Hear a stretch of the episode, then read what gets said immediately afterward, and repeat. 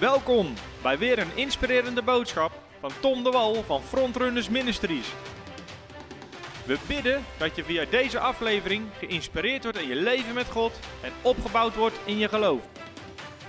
Dus uh, van harte welkom allemaal. We zijn bezig met een serie over Gods generaals. God's generals. We kijken naar opwekkingsgeschiedenis. We kijken naar wat heeft God gedaan in het verleden.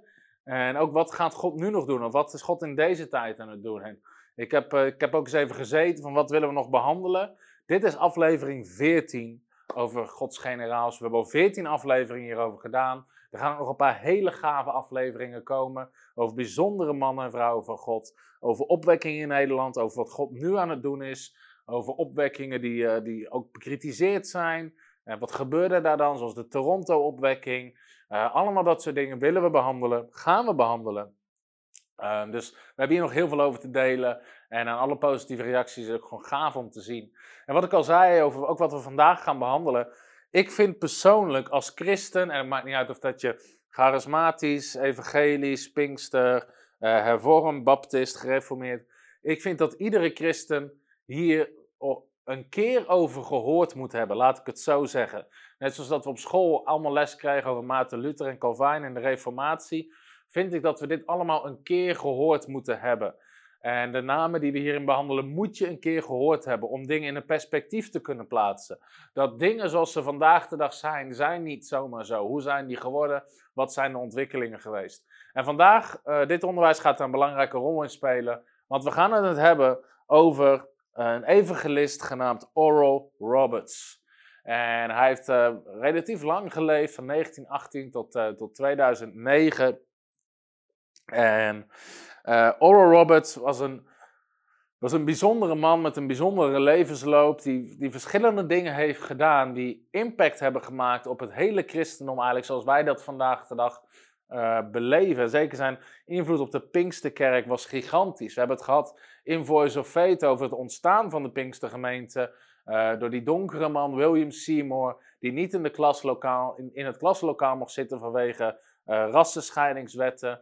Maar die uiteindelijk op Azusa Street, waar die opwekking en die uitstorting van de Heilige Geest begon. En het was eigenlijk de geboorte van, het, van de Pinksterbeweging.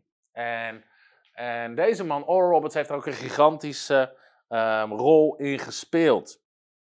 En daar gaan we het vandaag over hebben. We hebben ook weer video's, dus dat wordt, uh, we gaan gewoon weer lekker genieten. Nou, hij werd geboren op 24 januari uh, 1918. En hij groeide op in een arm gezin, in een Pinkstergezin. Allebei zijn ouders waren predikers binnen de Pinksterdenominatie. Nou, als je dat als je over die denominatie leest, werd het ook wel de Pentecostal Holiness Movement genoemd. Dus de heiligheid. Je had de heiligheidsbeweging met de Puritijnen. Uh, onder andere wat weer voortkwam uit de Methodisten en heilig leven. En daaruit voortkwam natuurlijk de Pinksterbeweging, die ook uh, best wel wettisch kon zijn. En uh, ook heel erg de nadruk op heiligheid, wat wel goed is natuurlijk. En dan had je eigenlijk de Pentecostal Holiness Movement, zo werd dat genoemd. En hij groeide op in zo'n gezin echt klassiek Pinksteren. Niet Pinksteren zoals we dat vandaag de dag kennen. Met een enorm nadruk op heilig leven, soberheid en ook uh, armoede. En uh, Oral Roberts stotterde heel erg toen hij jong was. Dus zijn ouders hoopten dat hij prediker zou worden. Maar hij stotterde heel erg. Dus dat idee dat hij ooit prediker zou worden, uh, was al snel aan de kant gezet. En in zijn jeugd keert hij zich van God af. En waar dat mee te maken heeft, is dat als je de Pinksterbeweging van toen een beetje kent, Pinkstergelovigen was in deze tijd, ik geloof in mijn boek over tongentaal, uh, in het voorwoord heb ik er iets over geschreven, over hoeveel Pinkster, of eigenlijk meer hoeveel geestvervulde gelovigen er vandaag de dag zijn. En ik geloof dat zelfs 25% van de wereldkerk uh, deel uitmaakt van de Pinkster-denominatie, om het zo maar te zeggen. Um, maar in die tijd was dat echt niet zo. Pinkster was een heel klein clubje waar je ook absoluut niet trots op was om daarbij te horen. Je werd met de nek aangekeken. Ten eerste zagen ze armoede als een enorme zegen van God. Dus heel veel waren arm, leefden sober, hadden weinig. En daarnaast werden ze ook wel de Holy Rollers genoemd. Door de manifestaties van de Heilige Geest. Uh, vonden mensen maar een heel raar clubje mensen waar allerlei rare dingen gebeurden. En als Pinkstergelogen werd je dus met de nek aangekeken. Nou, Oral Roberts wilde uh, geaccepteerd worden natuurlijk door zijn vrienden, door zijn omgeving. Dus hij keerde zich af van God, van de kerk. En hij ging een carrière in de sportwereld achteraan als baseballer in zijn tienerjaren. En uiteindelijk wordt hij ernstig ziek en hij krijgt tuberculose. En in die tijd was het iets waar heel veel mensen aan overleden. En hij ligt 163 dagen, van mijn hoofd is dat uh, pak een beet, vijf en een halve maand lang ligt hij op bed en kan hij niet uit bed komen. 163 dagen ligt hij op bed, kan hij niet op bed komen. En hij spuugt bloed op, er komt bloed uit zijn longen. En hij ligt eigenlijk op sterven. Bijna hetzelfde verhaal als we gehoord hebben van Lester Sumrall. Hij heeft tuberculose in beide longen. Hij wordt opge opgegeven door de artsen. En ze verwachten ook dat hij gaat sterven. En ook weer in dit verhaal zijn er dominees die hem vertellen dat hij geduld moet hebben om, deze, om de wil van God of zijn kruis te dragen. Uh, en dat soort dingen. En de reactie van Oral Roberts is: Als God dit op mij legt, zal ik hem nooit van mijn leven dienen. Nou, nogmaals, hij lag 163 dagen op bed en hij woog nog maar 50 kilo.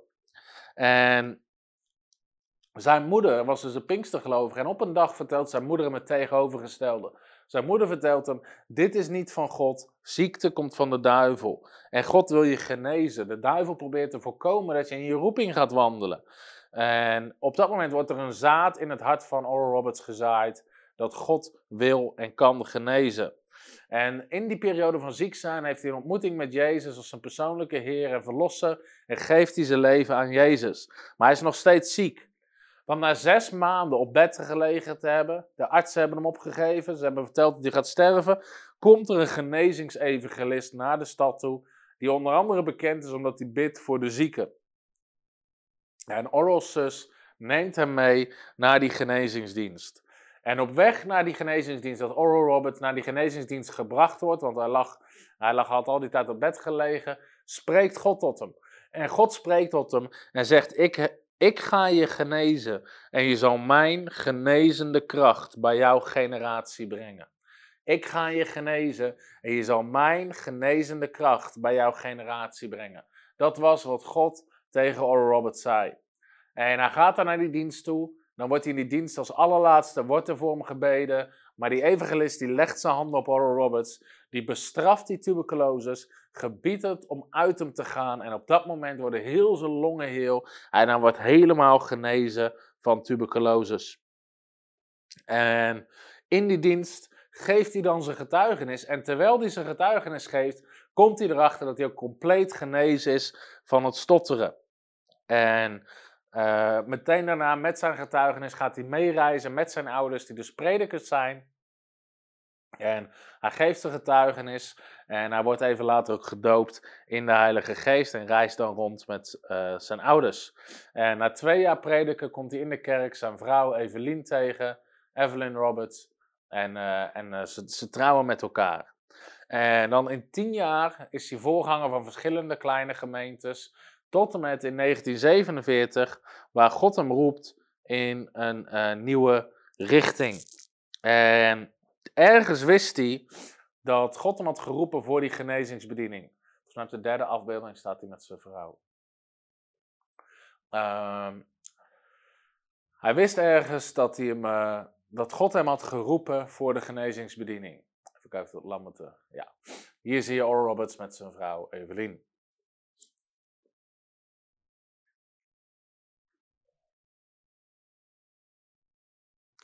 Hij wist dat God hem had geroepen voor die genezingsbediening, maar hij zat er altijd tegenaan te hinken.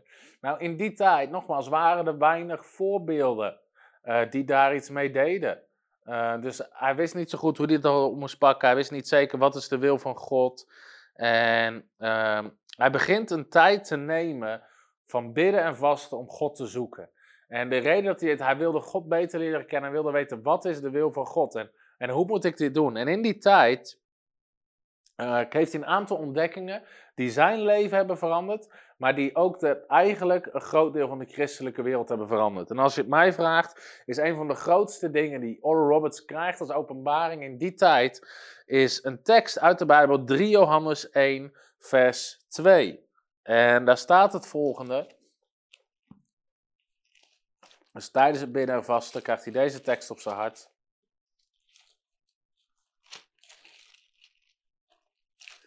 3 Johannes 1, vers 2. Daar zijn we. Geliefde, ik wens dat het u in alles goed gaat en dat u gezond bent, zoals het uw ziel goed gaat.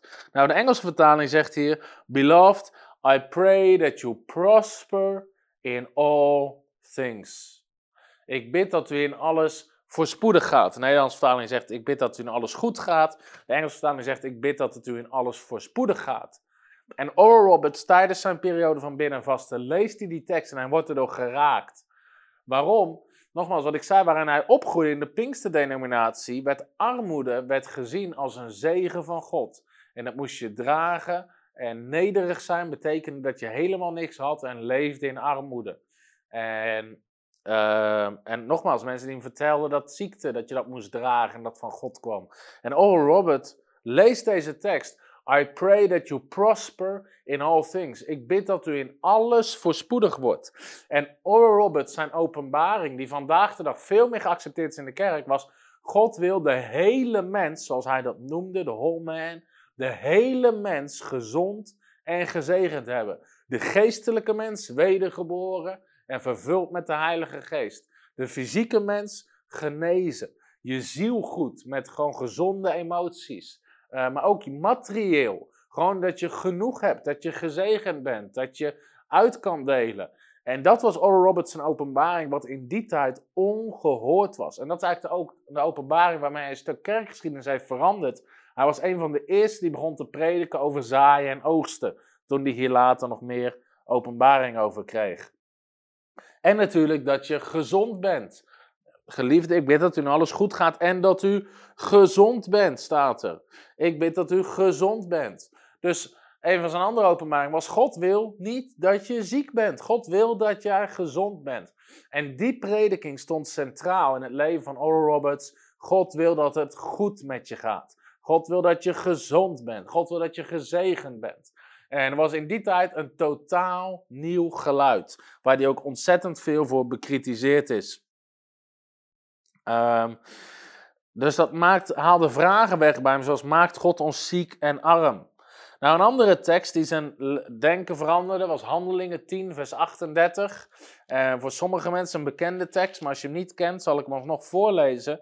Want dit is een tekst die mijn leven heeft veranderd en, en die jouw leven kan veranderen. En die van ontzettend veel genezingsevangelisten hun leven heeft veranderd. In Handelingen 10, vers 38, daar staat dit. Hoe God Jezus van Nazareth gezalfd heeft met de Heilige Geest en met kracht. En hoe hij het land doorgegaan is terwijl hij goed deed en allen die door de duivel overweldigd waren, genas. Want God was met hem. En Oral Roberts krijgt hier de openbaring: ziekte komt van de duivel, niet van God. En Jezus is gekomen om te genezen door de kracht van de Heilige Geest. En uiteindelijk de laatste tekst, Lucas 9, vers 56, die hoef je niet op te zoeken. Maar daar staat: De zoon des mensen is niet gekomen uh, zodat mensen verloren zouden gaan, maar om de mensen te redden en heel te maken en te herstellen. Nou, die drie teksten veranderden het leven van Oral Roberts. God wil mensen vrijzetten.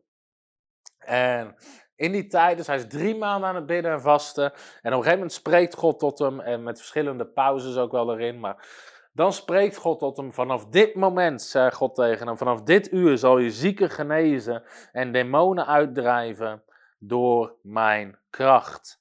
En in die tijd is Oral Roberts nog voorganger van een kleine gemeente uh, van ongeveer 200 mensen. En dan kondigt hij aan dat hij een genezingsdienst gaat doen op zondagmiddag 2 uur.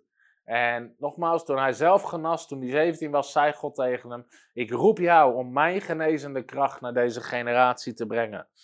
En ergens twijfelt Oral Roberts nog steeds, is dit echt de wil van God? En nogmaals, hij had een gemeente van 200 mensen, dus een kleine gemeente. En dan huurt hij een gebouw in de stad, een groot gebouw. En dan zegt hij eigenlijk, net zoals Gideon dat deed, testen die God. En hij zei, Heer, als dit echt uw wil is, moeten er drie dingen gebeuren in deze genezingsdienst. Ten eerste zei hij, Heer, er moeten meer dan duizend mensen in de dienst komen. Nou, dat is best wel een statement als er normaal 200 mensen in je dienst komen. Ten tweede zei hij, hij had het gebouw gehuurd. Hij zei, heer, alle kosten van het gebouw moeten gedekt zijn. Er moet genoeg in het offer binnenkomen om alle kosten te dekken. En anders, anders ga ik hier ook niet mee door. En ten derde, hij zei, Heer, uw kracht moet voor iedereen merkbaar aanwezig zijn. Er moeten wonderen gebeuren.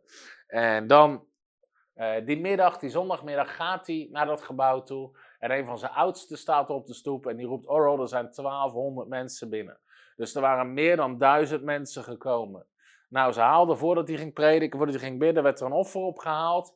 Um, alle onkosten plus 3 dollar extra kwam er binnen. En dan als einde gaat hij bidden voor de zieke. En een van de eerste is een uh, oude vrouw die naar voren komt en haar hele hand is verstijfd. En die kan ze niet bewegen. En Oral Roberts zegt tegen haar: Wees genezen in Jezus' naam en beweeg je hand. En zij begint haar hand te bewegen en ze roept: Ik ben genezen, ik ben genezen. En de hele zaal ziet het en het gaat helemaal los met wonderen. Dus die drie tekenen die hij als eerste van God vroeg, werden vervuld. Er waren meer dan duizend mensen gekomen in zijn eerste genezingsdienst. Alle onkosten waren gedekt en God had wonderen gedaan. Dus een gigantische zegen. En dan begint hij te reizen en hij gaat naar Tulsa, naar een grotere stad. Uh, daar kan een blinde man weer zien tijdens de campagne. En dat woord gaat rond als een lopend vuurtje. En ik denk dat dat een grote les is, omdat de kerk van vandaag heel druk bezig is met hoe kunnen we mensen trekken, hoe kunnen we mensen trekken.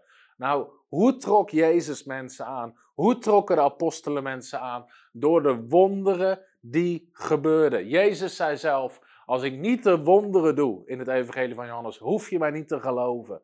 Maar alle evangeliën zeggen dat het nieuws verspreidde zich. De geruchten verspreidden zich van de wonderen. Mensen, het, nieuws ging rond. Zieken genezen, demonen gaan eruit. Blinden kunnen zien, lammen kunnen lopen, doven kunnen horen. Dat was het nieuws wat rondging over Jezus. Dat was het nieuws wat rondging in de kerk van handelingen, waardoor de menigtes bijeenkwamen. En vaak zit de kerk vandaag de dag te zoeken naar andere manieren. Met mooie lichtshows en, en mooie presentaties en, en prachtige preken. Wat, wat allemaal niet verkeerd hoeft te zijn. Maar waar mensen echt behoefte aan hebben, zijn wonderen en tekenen. Want God wil mensen redden, God wil mensen herstellen, God wil mensen genezen en God wil mensen bevrijden. En vandaag de dag zijn er tienduizenden mensen, zijn ernstig ziek, tienduizenden mensen zitten vast in zonde, tienduizenden mensen worden geplaagd door demonen. En ze hebben niks aan een lichtshow, ze hebben niks aan een praatje. Wat ze nodig hebben is de kracht van de Heilige Geest. En als we daarin gaan wandelen, dan weet ik 100% zeker dat geen kerkgebouw groot genoeg is om de menigtes te bevatten. En dat is iets waar ik heilig in geloof. Uh, Oral Roberts krijgt vijf kinderen met zijn vrouw. En op een gegeven moment, uh, een enorme zegen, dat zie je dus bij al die genezingsbedieningen, is dat ze mensen om zich heen nodig hebben die hun gaan helpen. Dus zijn genezingsbediening groeide en groeide. En op een gegeven moment kwam er een zakenman bij hem thuis en die was op visite. En die komt bij hem thuis en die ziet stapels met post liggen en brieven en gebedsverzoeken. Die vanuit heel Amerika naar Oral Roberts werden toegestuurd. En in die tijd was Oral Roberts deed gewoon samen met zijn vrouw. En zijn vrouw was uitgeput. En die zakenman die zegt van, joh, dit kan niet zo. Je moet een kantoor huren, je moet mensen in dienst nemen. Weet je, hier ga je aan ten onder. En, en hij weet hoe dat moet. Hij heeft ervaring met bedrijven opbouwen. Dus Oral Roberts, uh, die zegt dan van, joh, ik, ik kan dat niet, ik ben er niet goed in. En dan uh, biedt die zakenman aan om hem te helpen. En dan vraagt Oral Roberts voor de grap, wat moet ik je betalen? En die man zegt dan als grap, 1 dollar per jaar. En uh, uiteindelijk hebben ze 33 jaar lang samengewerkt. En 33 jaar lang betaalde Oral Roberts hem 1 dollar per jaar. En die zakenman heeft hem enorm geholpen om zijn bediening te groeien. Dus dan zie je dat we allemaal onze gaven hebben om te ondersteunen en het koninkrijk van God te bouwen. Dan als hij uh, voor de ziek aan het bidden is, dan spreekt God tot hem op een campagne. God zegt, je bent trouw geweest tot nu toe. En dan zegt God dit tegen me, ik ga je over meer stellen. Vanaf nu aan zul je mijn kracht voelen in je handen. Als je het alleen in je rechterhand voelt, is het een demon die ziekte veroorzaakt. En als je het in beide handen voelt, moet je gewoon voor genezing bidden. Eigenlijk hetzelfde wat we, um, ik weet niet of we hem al, oh, um, William Branham had daar ook een verhaal over. En Kenneth Hagen trouwens ook. Uh, maar Oral Roberts ook, dat is wat God tegen hem zegt. En zijn genezingsbediening groeit daardoor. En dan begint hij tentdiensten te doen. En tijdens een van die tentdiensten gebeurt er iets. Dat iemand heeft zo'n hekel aan zijn boodschap van genezing en redding. ehm, dat iemand in de tentdienst pakt zijn revolver en die schiet op Oral Roberts. En dus die probeert hem te vermoorden. En die man die staat vlak vooraan en die haalt de trekker over. En de kogel vliegt vlak langs het hoofd van Oral Roberts. En eh, dat kwam natuurlijk in alle, in alle kranten, in alle media. Werd verteld over de genezingsevangelist die ze proberen dood te schieten. En hoewel het natuurlijk helemaal geen fijne ervaring was. En dat Oral Roberts ook al verteld dat hij vaak daarna bang was. eh, in een menigte, omdat je niet kan zien wie zitten, welke plannen hebben ze. Maar maakte dat zijn bediening in één klap bekend in het hele land. Dus eh, wat de duivel had geprobeerd ten kwade, had God omgekeerd ten goede. En want tijdens die tentdiensten blinden en doven worden genezen. Soms stonden hele rijen mensen stonden op uit eh, rolstoelen. En zo meteen gaan we even een video kijken van een aantal wonderen eh, die gebeurden. Iets wat uniek was aan het onderwijs van Oral Roberts, ook in die tentdiensten. Oral Roberts had het vaak over een punt van contact. En toen Oral Roberts de wonderen aan het onderzoeken was, die Jezus deed, had, zag hij vaak dat Jezus een punt van contact, een punt van geloof zocht met die mensen. En eigenlijk was het een handeling van geloof. Dus Oral Roberts vroeg vaak de mensen ook om een handeling van geloof te doen. Het is wat jij doet om je geloof te uiten, eh, om je geloof vrij te zetten. En dat kan dus zijn, ehm, strek je hand uit, eh, dat soort dingen. Eh, of ga staan, of, of ga lopen, sta op en wandel. Dat soort uitspraken deed Oral Roberts dan en dan genazen mensen. En Oral Roberts begint tentdiensten te doen. En op een gegeven moment zet hij een stap van geloof. En dan eh, koopt hij een tent waar 3000 mensen in kunnen. En dat bouwt hij steeds verder uit. En was destijds de grootste tent die een rondreizende evangelist had. En ehm, daarna begint hij een, eh, in 1950 koopt hij een tent waar 7000 mensen in kunnen. Daarna een tent waar 10.000 mensen in kunnen. En later heeft hij een tent waar 18.000 mensen in kunnen. En hier zie je een van zijn meetings. Gigantisch veel mensen kwamen er op hem af. En eigenlijk in die tijd was hij de genezingsevangelist die de grootste menigte strok. eh, in tentdiensten. eh, wat echt gigantisch was. En nogmaals, aan de lopende band gebeurden de wonderen. En hij voelde dan de kracht van God in zijn rechterhand. Alleen er kwamen zoveel mensen met een nood dat het gewoon onmogelijk was soms op om erop in te gaan. Dus vooraf werd door lokale voorgangers werd al geselecteerd wie er voor gebed mocht komen. En er werden eigenlijk gewoon de meest ernstige gevallen uitgehaald. En niet iemand die twee dagen kniepijn had of drie dagen rugpijn. Eh, dat werd eruit gehaald. Ehm, en Oral Roberts die zat vaak op een stoel omdat hij op één avond voor honderden mensen moest bidden. En dat hij vaak aan het eind helemaal uitgeput was. Dus vaak zat hij op een stoel en dan liepen de mensen langs en hij raakte ze aan. Hij bad voor ze en ze genazen. En op die manier ehm, eh, vonden dan die tentdiensten plaats. En hij wordt ook goede tijd, of goede vrienden in deze tijd met de evangelist Billy Graham. En Billy Graham kennen we allemaal. Het is een evangelist die die ontzettend bekend is geweest in onze tijd, die gigantisch veel mensen heeft bereikt. Maar Billy Graham was natuurlijk niet iemand die bekend stond vanwege zijn boodschap over genezing. Uh, ondanks dat was hij goede vrienden met Oral Roberts, die eigenlijk een, uh, een, je zou kunnen zeggen, een voorspoedprediker was over de zegen van God, genezing en natuurlijk een evangelist. Maar ze zijn goed bevriend geraakt. Billy Graham is ooit in een uh, tentdienst geweest van Oral Roberts. Hij zag de kracht van God, hij kon niet ontkennen dat God daar aan het genezen was, dat er ontzettend veel mensen tot de Heer zijn gekomen. En ze zijn eigenlijk altijd heel erg uh, close geweest. En als ik het goed begrijp, doet de video het. Dus we gaan alsnog even kijken naar de video met de genezingen van Oral Roberts. You glad that you're here? Yes, Well, what do you think's going to happen? I'll be healed. You think you'll be healed? Yes, Why do you think that, hon? Because God will help me. Because God will help you? Yes, Oh, that's good. Now, audience, how many of you have children? Let me see your hands. Sure you do. Now, I want you to help me pray for little Gary Pridemore tonight. And if this child is healed, it'll be a miracle. There's no doubt about that. And I'm hoping that other children will be healed while he's healed right here. Are you ready, audience? Brother Deweese, take those, please. Brother Deweese, uh, I believe I'll have you put him on my knee. Uh, Mrs. Black, you take his crutches, please.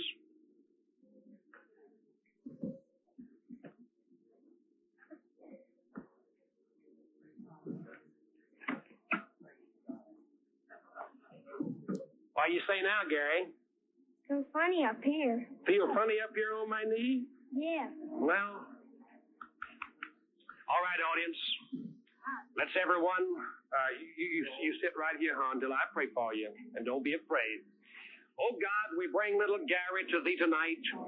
We ask for this miracle in the name of thy Son, Jesus Christ of Nazareth. We ask that you heal the softening of the bone and the flat hip bone. Heal his body from the crown of his head, O Lord, to the soles of his feet.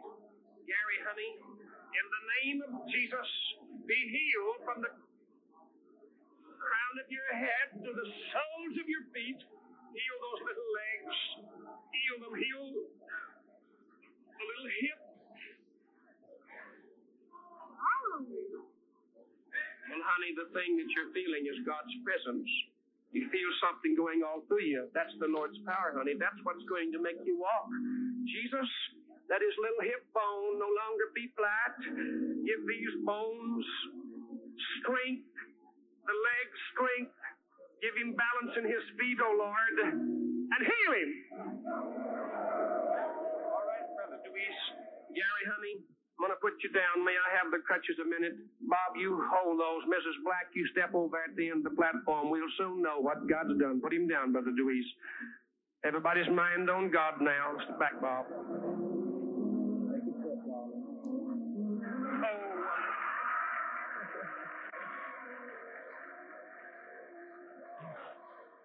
And again, Gary Pridemore came back to see Oral Roberts. Well, I'm a little six-year-old who was healed in Oakland, California. Since then, I've been well and strong. I've been playing like other boys and girls. I've still had the blessing of God from Jesus. And I'm running and playing like other boys and girls. I do the usual stuff regular, and I'm eating like I should be. And I'm playing, I'm swinging, I'm swimming, taking exercises. All right. Now you've got polio from your waist down, and the right side is affected the most. Are you the mother? Step over here a minute and talk to me. Tell me when this happened to Billy Ray. Last July, And where do you folks live? Lake City, South Carolina. And your name is what? Omni Austin. Well, tell me why you brought Billy Ray to our campaign. to be healed. Mrs. Poston? Yes. Do you sincerely believe that Christ can heal your child? Yes, sir. Why do you think that? Well, I do, because he said that he would heal the afflicted. Yes. Billy Ray, do you have faith in the Lord? Yes, sir. You think God can heal you? Yes, sir. Well, I believe He can. Will you join me now as I pray for this young man tonight?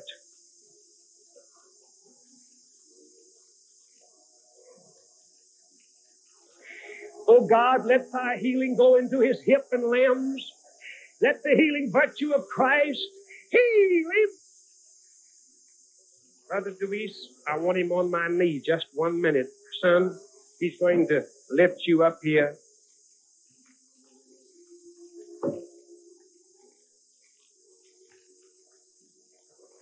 Brother Deweese, you ready for this? Pastors, the sponsoring churches, are you praying with me tonight? Audience in the tent, you friends there? Now, Jesus, we ask that his little limbs be healed and that they shall be restored. Restore them tonight in the name of Christ the Lord.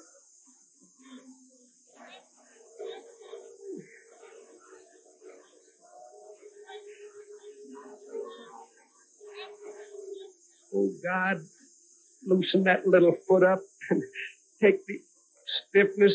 Oh, it's coming now, son. Praise God, praise God, praise God. Thank you, God. Now then, Billy Ray, I want you to raise that leg up like that. Oh, you can do it! Raise this one up, son. Now raise this little leg up, son. Oh, that's wonderful tonight. Jesus of Nazareth, let that virtue of healing go into this lamb once more, into his little right foot particularly. Heal by thy power and make him whole.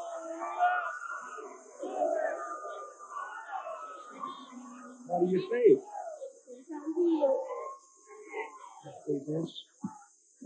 What do you think, hon? Cause uh, my leg is straightening. I couldn't get it straight back. You, it like that. it, it is straightening. How can you tell it's straightening? Cause I couldn't lift my leg up like You that. could lift it up. Oh, oh, that's wonderful.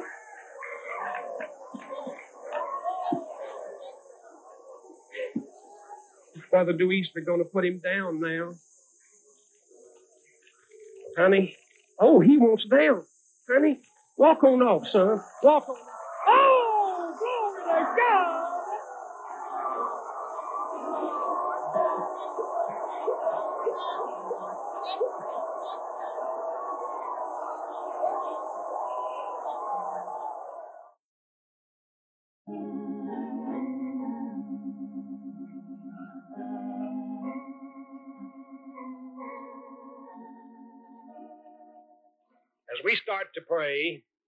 we're asking you, our friend watching through television, to join us as these are joining us here in the Big Tent Cathedral. We want your compassion, your prayers. We want you to open your heart and help us pray. And pray for yourself. You may need a healing. And if you would like us to pray with you personally, you just write us.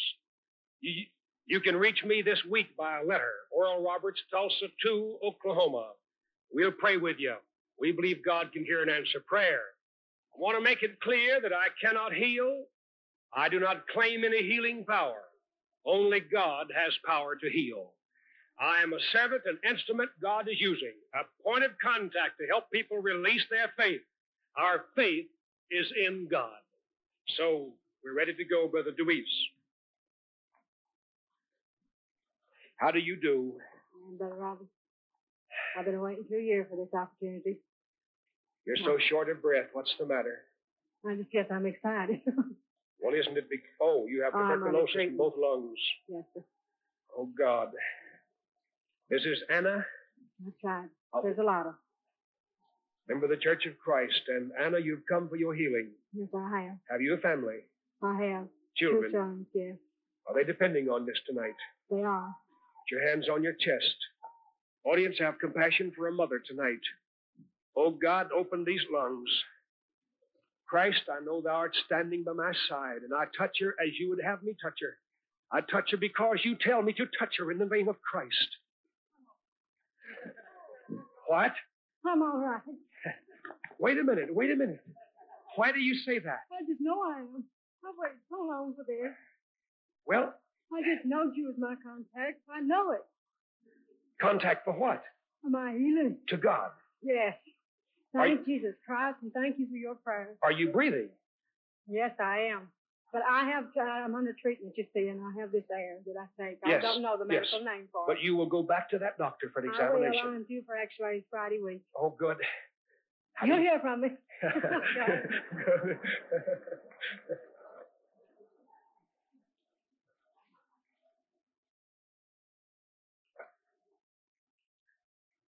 Young man, why are you here? Uh, I I stutter and uh and uh I have got a uh, hole in my uh, eardrum. Eddie Foster, 13, Shelbyville, Tennessee. Uh, he's been saved during the meeting, I suppose. Yes, sir. And you're not a member of a church. Yes, Well, were you born like this? Yes. How long have you stammered? Since I was small, Eddie, what makes you think Christ will heal you? cause I just know he will.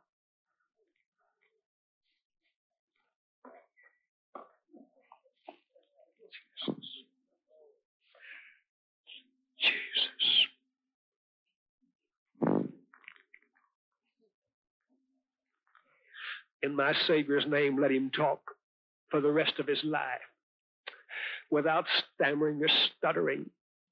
Heal his flesh and heal so that the fear leaves him and may he never stammer again in Christ's name. Eddie, did you feel the Lord? Yes, sir.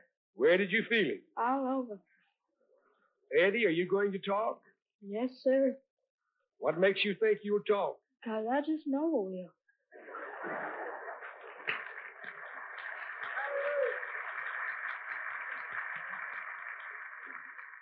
How do you know? 'Cause I'm just positive. What makes you feel so positive? 'Cause I, I can just feel it. Where did you feel it? Well, well, I'm up in here and it's all over. Eddie, Sir? you want to count to ten right quick by the help of God? Yes, sir. All right. One, two, three, four, five, six, seven, eight, nine, ten. Eddie? Eddie, what grade are you in? I am in the seventh grade. How do you feel right now? Well, I just feel wonderful. Do you give God thanks? Yes, sir. Shake my hand. I'm with you 100% in Jesus' name.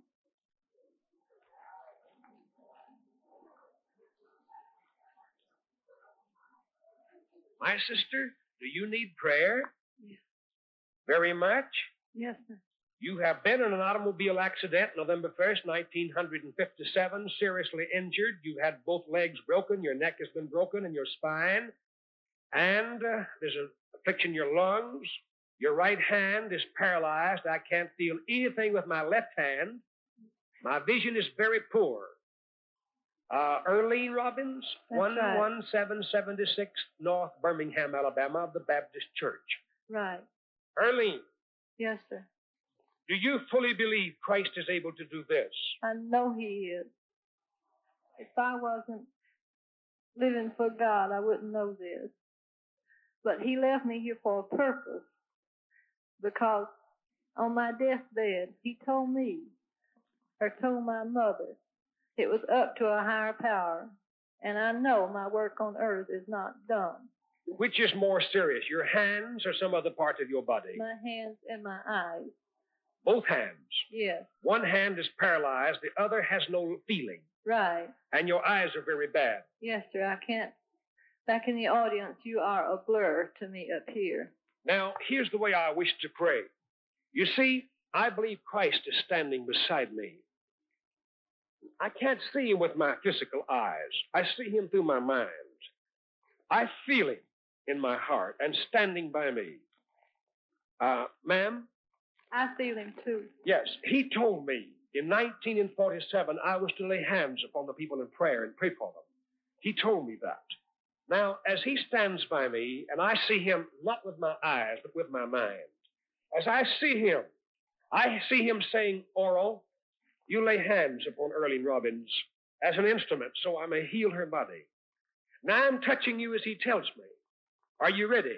I'm ready. Christ, I touch her because you tell me to touch her, and I believe for her healing. Stretch forth your hands. Open and close them. Glory.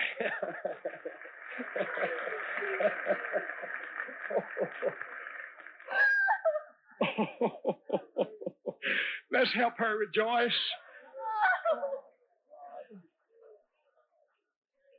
Shake my right hand. Yes, you have life. Shake this hand. Oh, you do have life. Now, how does your look straight at me? Your eyes are clear. Clear as a bell. oh, I'm so glad. You said I was a blur before, and now I'm clear. Yes, sir. Oh, thank you, God. You see, audience, I'm not always able to convey how I think and how I feel because words are so inadequate sometimes. But this is the way I do believe. I see Christ through my mind. It's as if he was standing here saying, Oral, you pray. You pray as I command you. And I can see him telling me that. And I believe it. Do you believe it? I do. Tell me exactly how you feel this moment. I don't know. I can't express it. It's just wonderful. You feel that way all over? Yes, Yes, sir. And do you believe it's faith in God who did that? I know it. May I shake that hand that was used to be paralyzed? Glory to God. Go with my prayers. Amen. Arlene, Arlene, raise your hands up again. Turn around and raise them up. Open and close them. That's good. That's good. God did that. Oké, nou daar heb je een aantal wonderen gezien op video. En eh, ik hoop dat je net zo van geniet als, eh, als ik doe. Prachtig om te zien hoe mensen eh, daar, eh, daar genezen.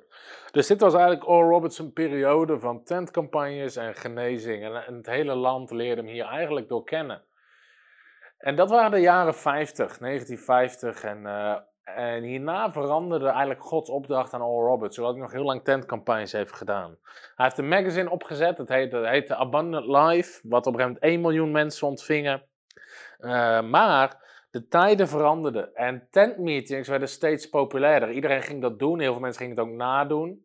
Dat zie je vandaag de dag nog steeds. Iedereen, heel veel mensen doen elkaar gewoon na. Dus steeds meer mensen kochten tenten, gingen rondreizen. En in het begin snap je dat het uniek was als er zo'n grote tent kwam en iedereen ging daar naartoe en er gebeurden wonderen.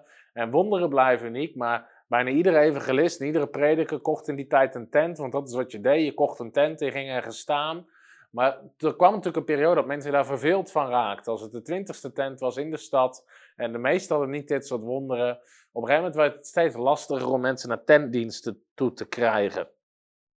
En toen kreeg Oral Roberts een profetie. Raise up students to hear my voice, to go where my light is dim, where my voice is small and my healing power is not known.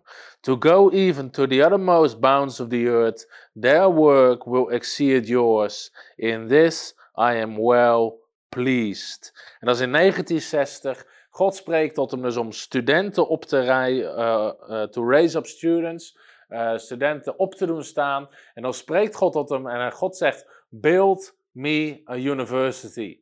Build me a university. En uh, dus God had tegen hem gezegd, je moet een universiteit gaan bouwen. En Oral Roberts begint dit te delen en hij krijgt ontzettend veel tegenstand uit iedere hoek. Want zijn hele achterban kende hem gewoon als een genezingsevangelist. Daarvoor steunden ze hem. Hij, ze dachten, hij is goed als evangelist. Dat is het enige wat hij moet doen. Hij moet zijn tent opzetten, prediken over Jezus en zieken genezen. En ook zijn raad van bestuur en bestuur van zijn bediening. Iedereen dacht dat dit gekke werk was en dat hij zijn roeping verliet op een of andere manier. En op een gegeven moment komt zijn hele raad van uh, zijn bediening komt bij elkaar en zijn bestuur.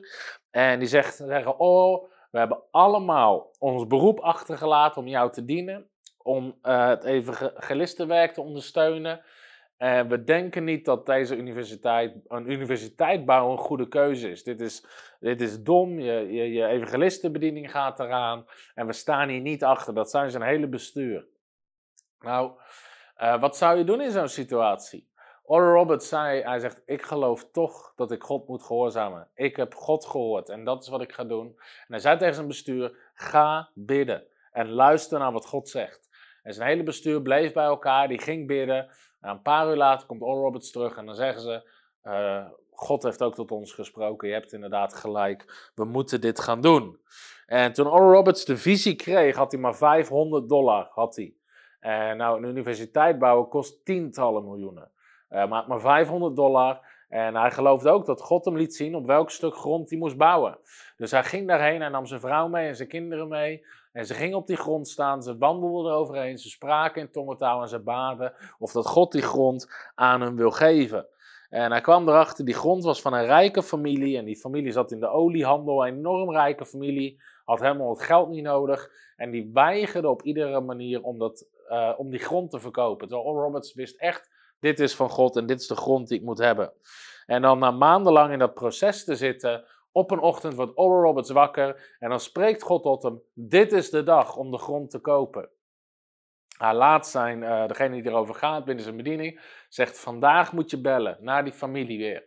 Om, uh, en zeg weer dat we de grond willen kopen. En die persoon belt en die krijgt die man aan de telefoon.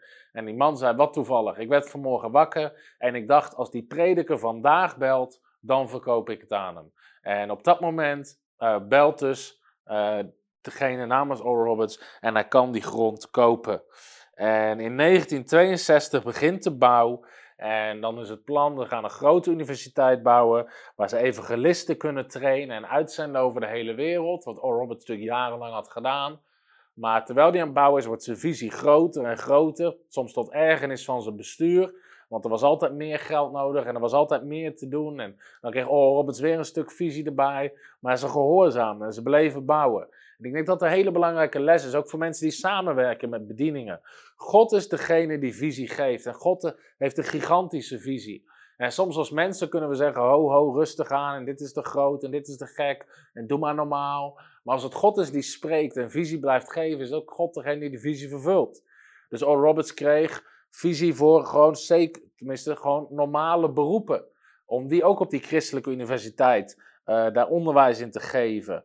En in die tijd, nogmaals, Pinkster, oh Roberts was een Pinkstergelovige. Even terug weer in de context, was geen geaccepteerd geloof. Mensen vonden ze raar, holy rollers. Uh, er waren alleen maar uh, of seculiere universiteiten of van heel traditioneel geloof. Dus Oral Roberts was iets aan het doen wat revolutionair was. Hij bouwde een Pinkster-universiteit. Een universiteit voor Pinkster-christenen. Nou, dat was uniek en ongehoord in die tijd. En wat heel belangrijk was, want ze zeggen ook wel over Oral Roberts, het is hem gelukt om Pinksteren mainstream te krijgen. Om de grote massa te bereiken met de Pinksterboodschap van de Heilige Geest, kracht, genezing, redding, bevrijding. Uh, wat dus in die tijd nog echt niet zo was. En uiteindelijk tien jaar lang bouwen ze en bouwen ze het uit. En God voorziet in tientallen miljoenen. En uiteindelijk is die universiteit dan af. In 1965 is die af en dan bouwen ze nog een tijd uit. En we hebben hier even wat foto's uh, van die universiteit. En dan kan je zien hoe gigantisch het is. Dit is trouwens Oral Roberts met uh, Billy Graham. Waarvan ik zei dat ze goed bevriend waren. Ondanks het verschil in de boodschap of het mandaat wat ze hadden van God. En hier zie je de Oral Roberts University.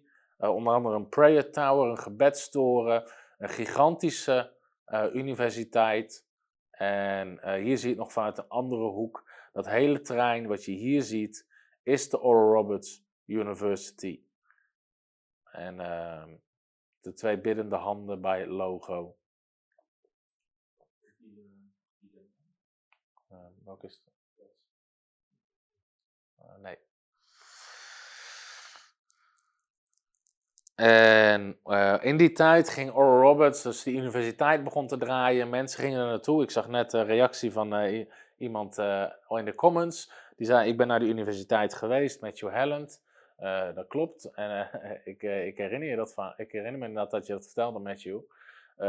en dat heel veel mensen in Amerika gingen daar naartoe en die werden daar getraind. Sommigen als evangelisten, anderen in opleidingen. Maar het gaf een hele brede bodem aan Pinksterchristenen en daarnaast ook charismatisch en later allerlei soorten christenen die daar naartoe kwamen. En die genezingen gingen nog wel door in die tijd, maar de tijd was veranderd. Ik zei al, minder mensen kwamen op de tentmeetings af. Het ging steeds moeilijker. Dus Oral Roberts ging eerst terug naar kortere campagnes. Toen stopte hij met tenten en huurde die gewoon hallen in bepaalde steden. Uh, maar, het, werd steeds lastiger. De Vietnamoorlog brak uit, daar ging heel veel aandacht naar uit. En eigenlijk uh, stopte eigenlijk de aandacht voor die genezingsevangelisten in die tijd. Dus Oral Roberts gaat dan drie jaar lang heel veel naar het buitenland. Europa, Rusland, India, Indonesië, Australië, Nieuw-Zeeland, Vietnam, uh, Chili, uh, Brazilië. allerlei plekken in het buitenland gaat hij naartoe. Uiteindelijk heeft hij 38 jaar lang tentmeetings gedaan. Maar in 1968 verandert er een hoop. En dan stopt hij met die, met die tentmeetings. Nou, en dan is er iets wat echt een schok heeft veroorzaakt in christelijk Amerika. Namelijk dat Oral Roberts op een dag aankondigt dat hij de Pinkster-denominatie verlaat en zich aansluit bij de Methodisten-denominatie. in die tijd was het heel gewoon dat je bij een denominatie zat. Nou, dat was natuurlijk een shock, want, want Oral Roberts was degene die Pinkster een mainstream had gemaakt. Maar Oral Roberts had het idee dat God al tegen hem zei om nog meer mensen te bereiken. Nou, hij zei ten eerste zijn de Pinkster christenen heel erg wettisch. Ze zaten dat heel erg vast aan regels, wat wel mocht, wat niet mocht. Wat hem soms gewoon enorm tegenwerkte. Uh, uh, Pinkster denken dat wettisch was enorm beperkt in wie die aan mocht nemen op zijn universiteit. Eh, qua mensen moesten per se een Pinkster-achtergrond hebben, mochten ze docent zijn. Terwijl Oral Roberts ook hele bekwame andere christelijke mensen tegenkwam, waarvan een Pinkster-christenen vonden dat hij die niet aan mocht nemen, et cetera. Ze waren fel tegen televisie en Oral Roberts had inmiddels ook een gigantische televisiebediening opgebouwd, dus campagnes uit te zenden, uh, allemaal dat soort dingen. Um, en Oral Roberts zag dat de hoofdstromingen zich steeds meer begonnen open te stellen voor de Heilige Geest. En dat heeft eigenlijk te maken met de charismatische beweging die opkwam. Daar kunnen we ook nog wel een keer wat over vertellen, omdat heel veel mensen weten niet het verschil tussen Pinkster en charismatisch. Maar de Pinksterbeweging is geboren uit Azusa Street en de opwekking van de Heilige Geest daar in 19, rond 1904, 1905.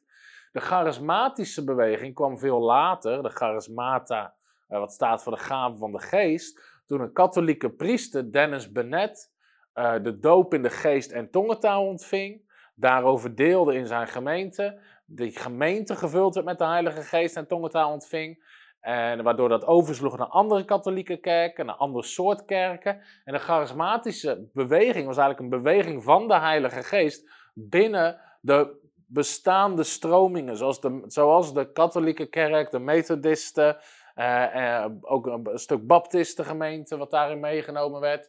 Terwijl Pinkster was echt een nieuwe stroming die ontstond bij Azusa Street.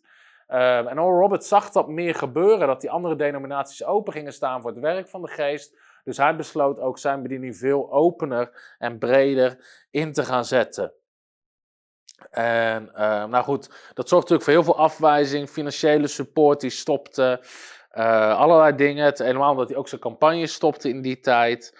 En, uh, maar Oral Roberts ging gewoon door en hij begint een nieuw soort ook televisiebediening.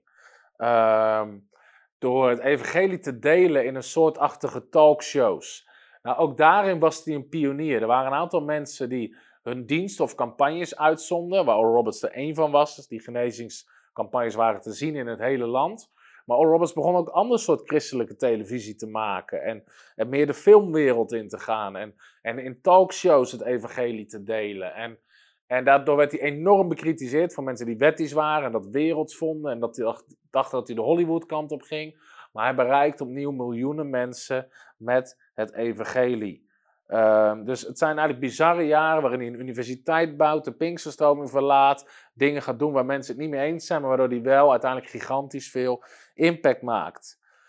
Nou, dan komt er eigenlijk een hele zware tijd en dat is rond de jaren 1980 voor Oral Roberts. En er gebeuren een aantal dingen die zijn leven echt, uh, echt zwaar hebben gemaakt. Ten eerste hun eerste dochter, Rebecca, uh, die inmiddels getrouwd was, uh, die overlijdt, die komt samen met haar man om in een vliegtuigongeluk.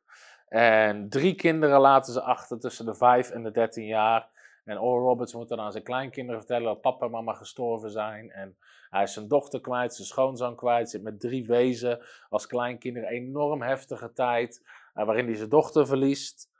Uh, dan, is een zware periode. Uh, daarna, ook daardoor en, en allerlei dingen die, die speelden en, en een bediening die veel aandacht kreeg. Zijn vader een celebrity, uh, raakte hun zoon, hun oudste zoon, raakte drugsverslaafd. Uh, om te ontsnappen eigenlijk een soort van alles wat er gaande was. De hysterie, de bekendheid, ook de ellende met zijn overleden zus. En Oral bad veel voor hem, deed alles wat hij kon. Maar uiteindelijk Ronnie, zijn oudste zoon, werd zo wanhopig en zijn ehm, zijn hersenen zo aangetast door de drugs dat hij zelfmoord pleegt. Dus Oral Roberts raakt twee kinderen kwijt en een schoonzoon in hele korte tijd.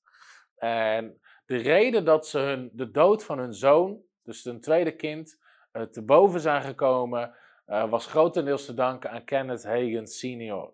Omdat Oral Roberts en, en zijn vrouw dachten van, is onze zoon überhaupt wel gered? Omdat hij drugsverslaafd was en, en al die dingen meer. En en Kenneth Hagen senior, dus de, uh, dus de, de, uh, Dad Hagen, zoals we hem vaak noemen, uh, bekend ook van de Hagen-boeken en de Rema-beweging, die kreeg dan een profetie en een visioen en die zoekt Oral Roberts op en die bemoedigt hem en die deelt hem wat God heeft laten zien. En dan, dan raakt dat het hart van Oral Roberts en zijn vrouw en dat helpt hun om een stuk herstel en, en troost te vinden.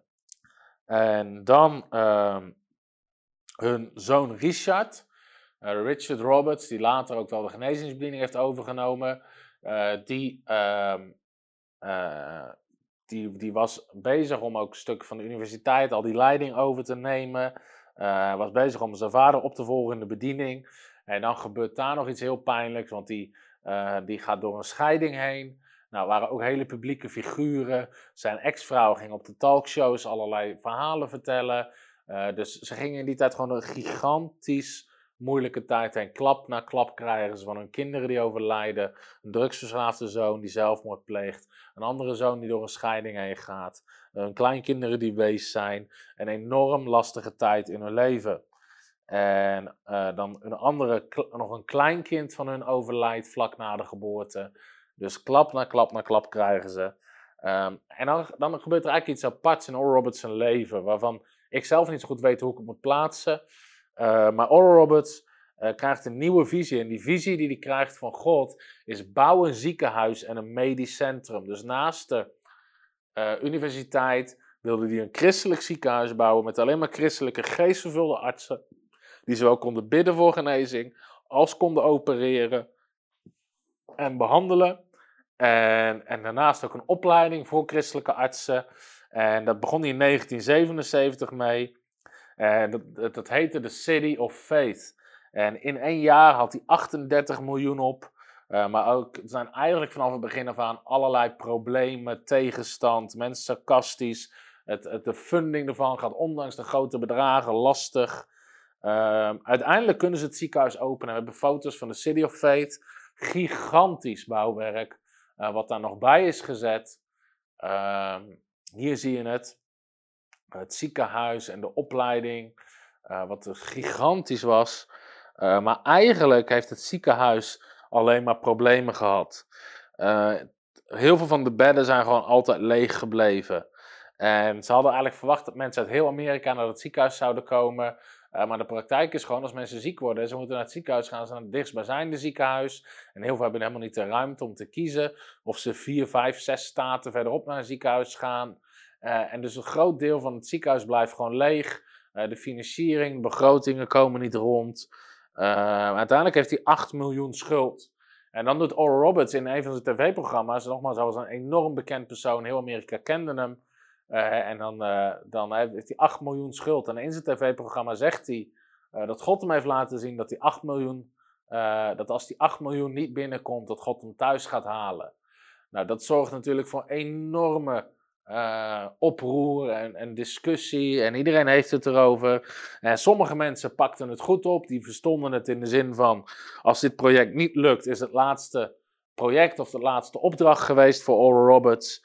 Uh, dan is gewoon zijn roeping klaar. Uh, maar anderen zeggen: Weet je, wat is dit nou weer voor boodschap? Gaat God hem doden als hij geen 8 miljoen krijgt? Nou, allerlei dingen beginnen dan te spelen. Hij komt natuurlijk enorm veel kritiek, maar hij krijgt het geld. Hij krijgt al het geld en, uh, en dus, dus die schuld is afbetaald. Uh, en dan komt er eigenlijk een klap in de hele christelijke uh, wereld in Amerika. Wat wel heel goed is voor ons om ook te beseffen, dat stuk achtergrond. Dat is namelijk in de jaren tachtig dat er echt een shock gaat door de christelijke wereld. Dat er een aantal televisie-evangelisten en televisiepredikers allemaal vallen. Hun bediening valt, hun bediening gaat kapot. Het meest bekende voorbeeld is denk ik Jimmy Swaggart die we allemaal kennen, denk ik, wel van zijn muziek. Zeker de wat uh, iets minder jonge generatie. Uh, die kennen Jimmy Swaggart wel met Let Me Thank You Again. Echte, echte gospel, de, de, echte Jimmy Swaggart gospelmuziek. maar Jimmy Swaggart blijkt in overspel te leven. Dan had je nog de Jim Baker of Jim Bakker. samen met zijn vrouw die een gigantische televisiebediening hadden. Uh, waar onderzoek naar gedaan wordt, waar blijkt dat er miljoenen aan fraude zit. Dat zijn vrouw, ik weet de naam van haar niet, dat zij vreemd ging. Uh, dat hij een seksuele affaire had. Uh, een aantal bedieningen klappen in die tijd en vallen in zonde en gaat grof mis. En het zijn schandalen die in het hele land besproken worden, die op tv zijn. Iedere nieuwsuitzending gaat erover. Wat ervoor zorgt dat er een enorm sarcasme komt naar allerlei tv-predikers en naar allerlei evangelisten. Ik heb evangelisten gehoord in Amerika, wat oudere generatie evangelisten in de 60 of in de 70 zijn, die zeiden ook al had je helemaal geen televisiebedieningen, Kerken nodigde hij niet meer uit. Niemand wilde iets te maken met evangelisten. Want in het nieuws ging het alleen over evangelisten dit, evangelisten dat. Die evangelisten die het geld stelen, die offers ophalen, eh, die leven in zonde. Dus de kerken sloten zelfs hun deuren voor de rondreizende evangelisten. De, de, de tv-wereld sloot hun deuren. Mensen stopten met geven. En dat was eigenlijk ook de eh, klap aan eh, de City of Fate van Oral Roberts. Onder andere dit soort dingen. Ehm, waardoor ehm, eh, hij in 1989 de stekker moet trekken uit zijn medische school en universiteit. En eerder, een jaar daarvoor, gaf David Wilkerson, de bekende prediker, die ook het boek Het Kruis in de Asfaltjungle uit New York, ehm, World Mission heette dat volgens mij, ehm, gaf, gaf Oral Roberts al het woord dat het tijd was om te stoppen met de City of Fate. Maar God eh, had, eh, dus het profetisch woord wat David Wilkerson gaf was: Het is tijd om te stoppen met de City of Faith. Eh, maar je bent getrouw geweest en je hebt gedaan wat ik heb gevraagd. En uiteindelijk doet Oral Robertson ook een stapje terug. Zijn zoon begint meer de bediening te leiden. Die heeft dat van 1993 tot 2007 gedaan. die moet dan afstappen van wat organisatorische misstanden. meer dingen die gewoon niet goed liepen, niet te gaaf had om dat echt te organiseren. Die heeft zich later weer gefocust op die genezingsbediening, wat wel goed loopt. En uiteindelijk in 2005 sterft Evelyn. En in 2009 sterft Oral Roberts. We hebben nog een foto van uh, Oral. Uh, als hij iets ouder is. Hij is uiteindelijk 91 jaar geworden. Oral Roberts. En 40.000 mensen zijn afgestudeerd van de Oral Roberts University. Wat ook trouwens gigantische um, uitsluitingen van de Heilige Geest zijn daar gebeurd. Heel kort nog een aantal lessen uit het leven van Oral Roberts. Ten eerste, hij was een pionier en volgde de leiding van de Heilige Geest. Ook al was dat niet het meest mainstream, het meest gebruikelijke. Hij was een pionier in de boodschap van de kracht van de Heilige Geest en genezing. En nogmaals, zelfs moordaanslagen op zijn leven, dat ze schoten vanuit het publiek. Uh, maar hij bleef doorgaan. Een pionier in tentevangelisatie, een pionier in christelijke televisie. Eerst in het uitzenden van zijn predikingen, daarna in ander soort programma's. Een pionier in christelijk onderwijs. Hij maakte Pinkster mainstream. Hij bouwde een Pinkster Universiteit. En iets wat ik nog ben vergeten te vertellen, hij was een pionier in zaaien en oogsten.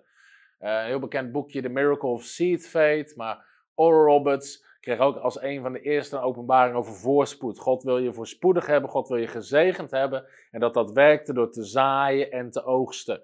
Dus Oral Roberts was een pionier in het onderwijs over zaaien en oogsten. Ook hele bekende boekjes daarvan zijn er van, uh, van Oral Roberts. Als je invoert op Google Seed Faith PDF, uh, kan je ook wel gratis boekjes vinden wat enorm goed zijn. Uh, het onderwijs wat hij gaf en waar je ook zijn verhaal daarin hoort. Dus hij was een gigantische pionier en ook eigenlijk ook de vader van uh, het voorspoedsevangelie, om het zo maar te zeggen, in de positieve zin van het woord. Dat God wil je gezegend hebben en God wil dat je een zegen bent voor anderen. Die andere bedieningen die opstonden waren, hebben daar enorm misbruik van gemaakt. Uh, door enorm veel geld te vragen van mensen en daar fraude mee te plegen, niet te gebruiken voor de bediening. Uh, zelfs tot de meest bizarre luxe levenswijze op nahielden, op de giften van mensen. En die hebben daar echt, echt, een, echt een rotzooi van gemaakt. Waardoor bij heel veel mensen ook echt een haat en een aversie zit tegen die voorspoedsprediking. Terwijl die op zich heel erg goed is. En dan merk je in Nederland ook nog wel eens dat het meteen gaat dan zeggen mensen, ja, die Amerikaanse taferelen. Uh, maar de kern daarvan is goed. God wil je gezegend hebben en wil dat je een zegen bent.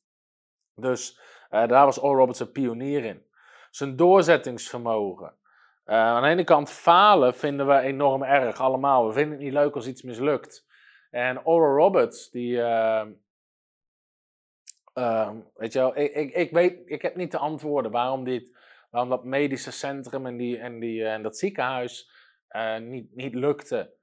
wat daar misging allemaal. Waar, waar die misschien God had gemist. Of waardoor dingen daar niet goed gingen. Ook verkeerde mensen die die aannam. Misschien verkeerd bestuur. Ik weet het niet. Ik weet wel dat als we niet oppassen, kunnen we zeggen: ja, maar zie je, zelfs daar ging het mis. Dus dat soort dingen moeten we maar niet doen. Kijk eens wat er wel is gelukt. Die Oral Roberts University, die, die vandaag de dag nog steeds bestaat, draait en een gigantische impact heeft. Meer dan 40.000 mensen afgestudeerd zijn en een impact maken over heel de wereld. En zelfs mensen die daardoor als zendeling naar Nederland zijn gekomen. De impact daarvan is gigantisch. Daarom zeggen ze in Amerika wel eens: If you shoot at the moon and you miss, you will land among the stars. Weet je, misschien heb je op de maan geschoten en heb je die gemist, maar dan ben je in ieder geval tussen de sterren terechtgekomen. Ik heb me laten vertellen trouwens dat het spreekwoord niet echt kan, omdat sterren verder weg liggen dan de maan. Nou, maar ik ben geen sterrenkundige, maar het idee is wel goed. En hij is doorgegaan, ondanks dat het soms misging, in moeilijke tijden, in verlies en ellende. En een van die plaatjes stond ook van Oral Roberts, Make no little plans here. En dat was een bordje wat op zijn kantoor hing. Zijn houding was, als je iets doet voor God, doe het goed en doe het groot. No small plans made here. We maken geen kleine plannen hier op dit kantoor, want we werken met God samen. En uh, dus zijn doorzettingsvermogen is ook een enorme zegen geweest. En uiteindelijk, uh, door verschillende onderzoeken, is hij geplaatst bij de top drie belangrijkste christelijke leiders van de 20e eeuw. En van de tweede helft van de 20e eeuw. Ik denk dat Billy Graham op nummer 1 zal staan.